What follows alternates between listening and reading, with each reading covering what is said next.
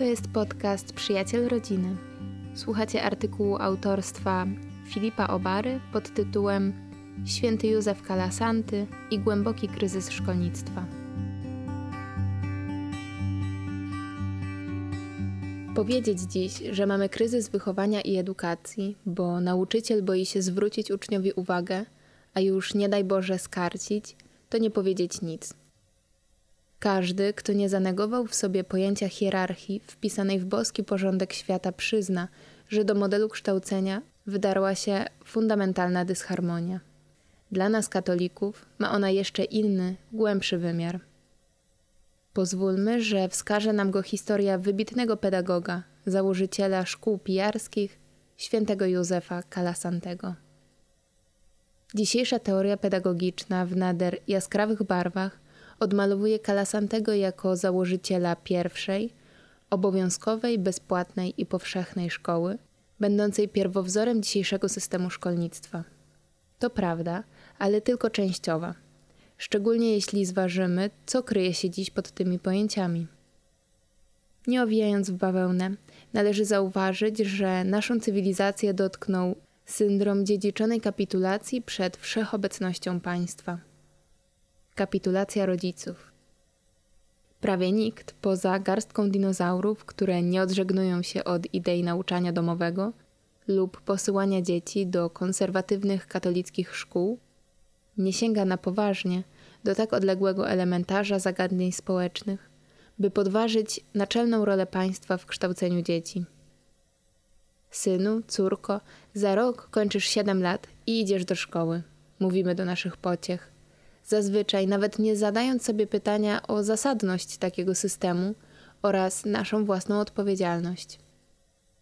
Odpowiedzialność, która nie ogranicza się przecież do pomocy w odrabianiu zadań domowych, ale stanowi fundament tego procesu. W końcu to my odpowiadamy za ukształtowanie w katolickim duchu charakteru, sumienia, a także intelektu naszych dzieci. Tę przyczynę roboczo nazwałem syndromem dziedziczonej kapitulacji przed wszechobecnością państwa.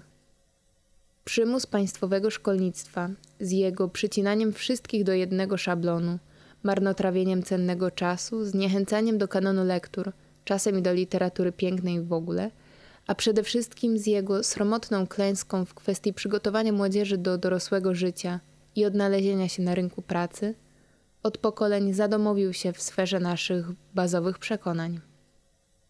Tak bardzo, że wydaje nam się równie oczywisty i nieodzowny jak to, że do obowiązków państwa należy rzekomo organizowanie służby zdrowia, nie wspominając już o innych dziedzinach nadgorliwego interwencjonizmu państwa opiekuńczego. Krótko mówiąc, to do nas należy dbanie o to, by nasze dzieci rozumiały, że to Pan Bóg stworzył świat – a nauka to jedynie rozpoznawanie natury tego świata, a nie kreowanie rzeczywistości, jak coraz śmielej robią to ideologie, z którymi przyjdzie im żyć na co dzień, a może nawet mierzyć się w publicznej edukacji. Do nas należy to, by nasze potomstwo potrafiło rozróżnić wynagrodzenie netto i brutto oraz rozumiało, co się stało i dzieje ze światem, gdy standard złota został zastąpiony systemem pustego, fałszywego pieniądza. Droga do pierwszej szkoły pijarskiej.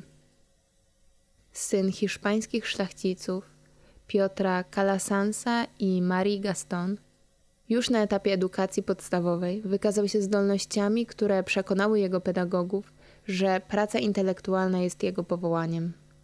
Kształcony następnie przez ojców trynitarzy, odkrył w sobie pragnienie oddania się na służbę Bogu. Ukończywszy uniwersytet w Leridzie jako filozof i doktor prawa, podjął studia teologiczne w jezuickim Kolegium Świętego Pawła w Walencji. W drodze jego rozwoju kluczowa była akceptacja ze strony rodziców.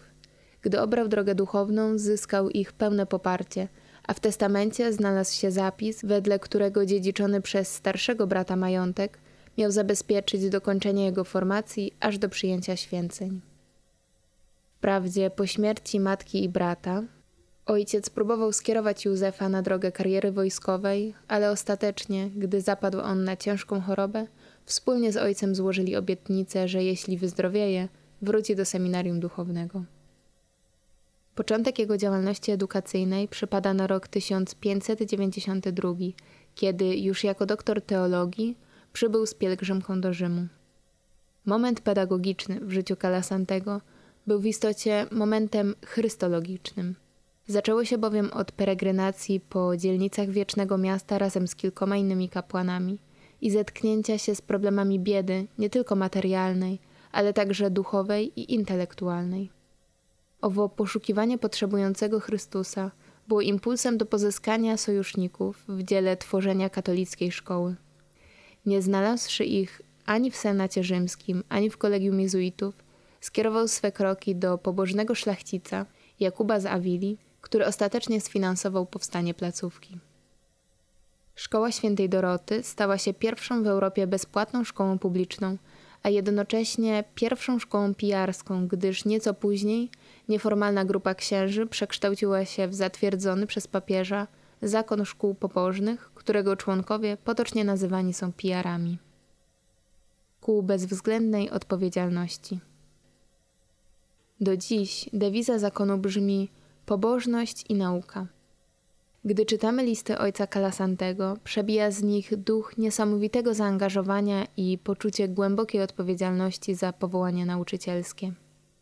Święty pisał: Niniejszym przypominam wszystkim, by dbali z całą troską o pracę szkolną, która jest naszym głównym zadaniem, nie tylko pod kątem nauki, ale także świętej bojaźni Bożej, bo jest to skarb, który znajdzie w chwili śmierci ten, kto spełnił to zadanie żarliwie i z cierpliwością, z czystej miłości Boga.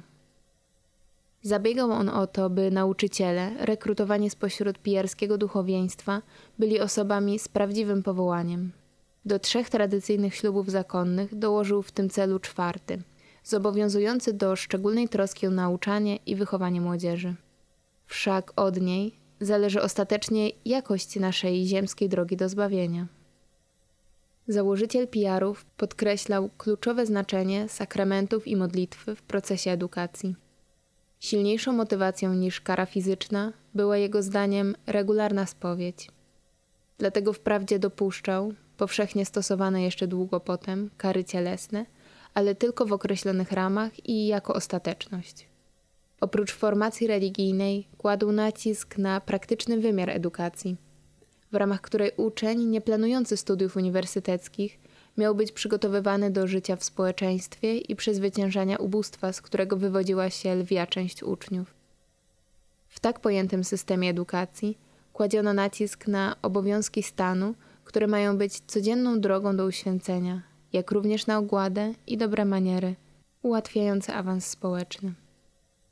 Model świętego Józefa był otwarty, elastyczny, nastawiony na dialog i współpracę.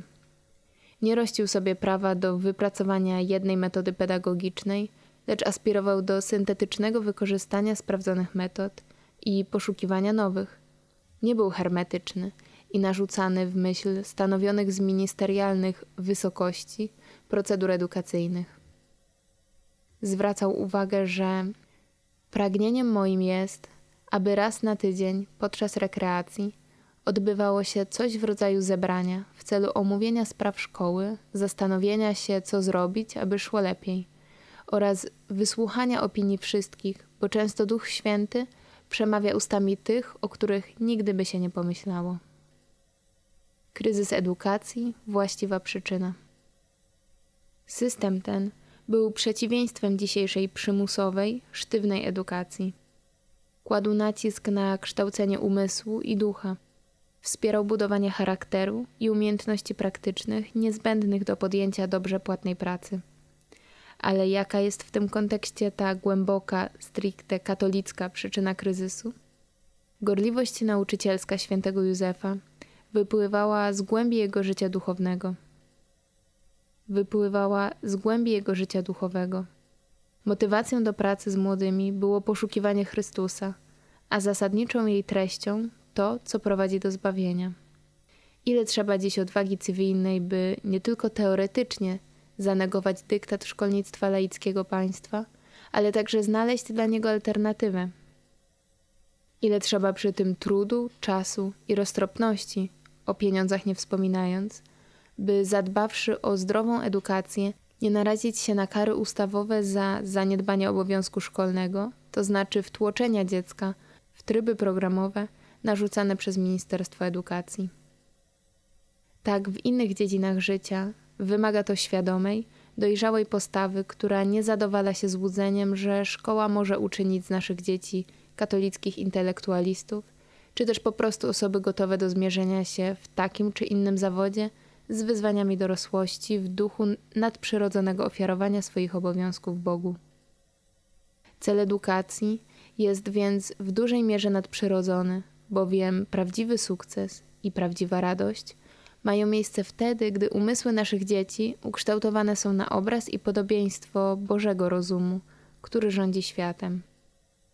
Tak rozumiana edukacja stanowi wreszcie przeciwstawienie się dawno już zaimplementowanemu w zachodnim świecie przekonaniu, że religijność jest sprawą prywatną. Musimy więc wyznać, że kryzys edukacji jest kryzysem wierności.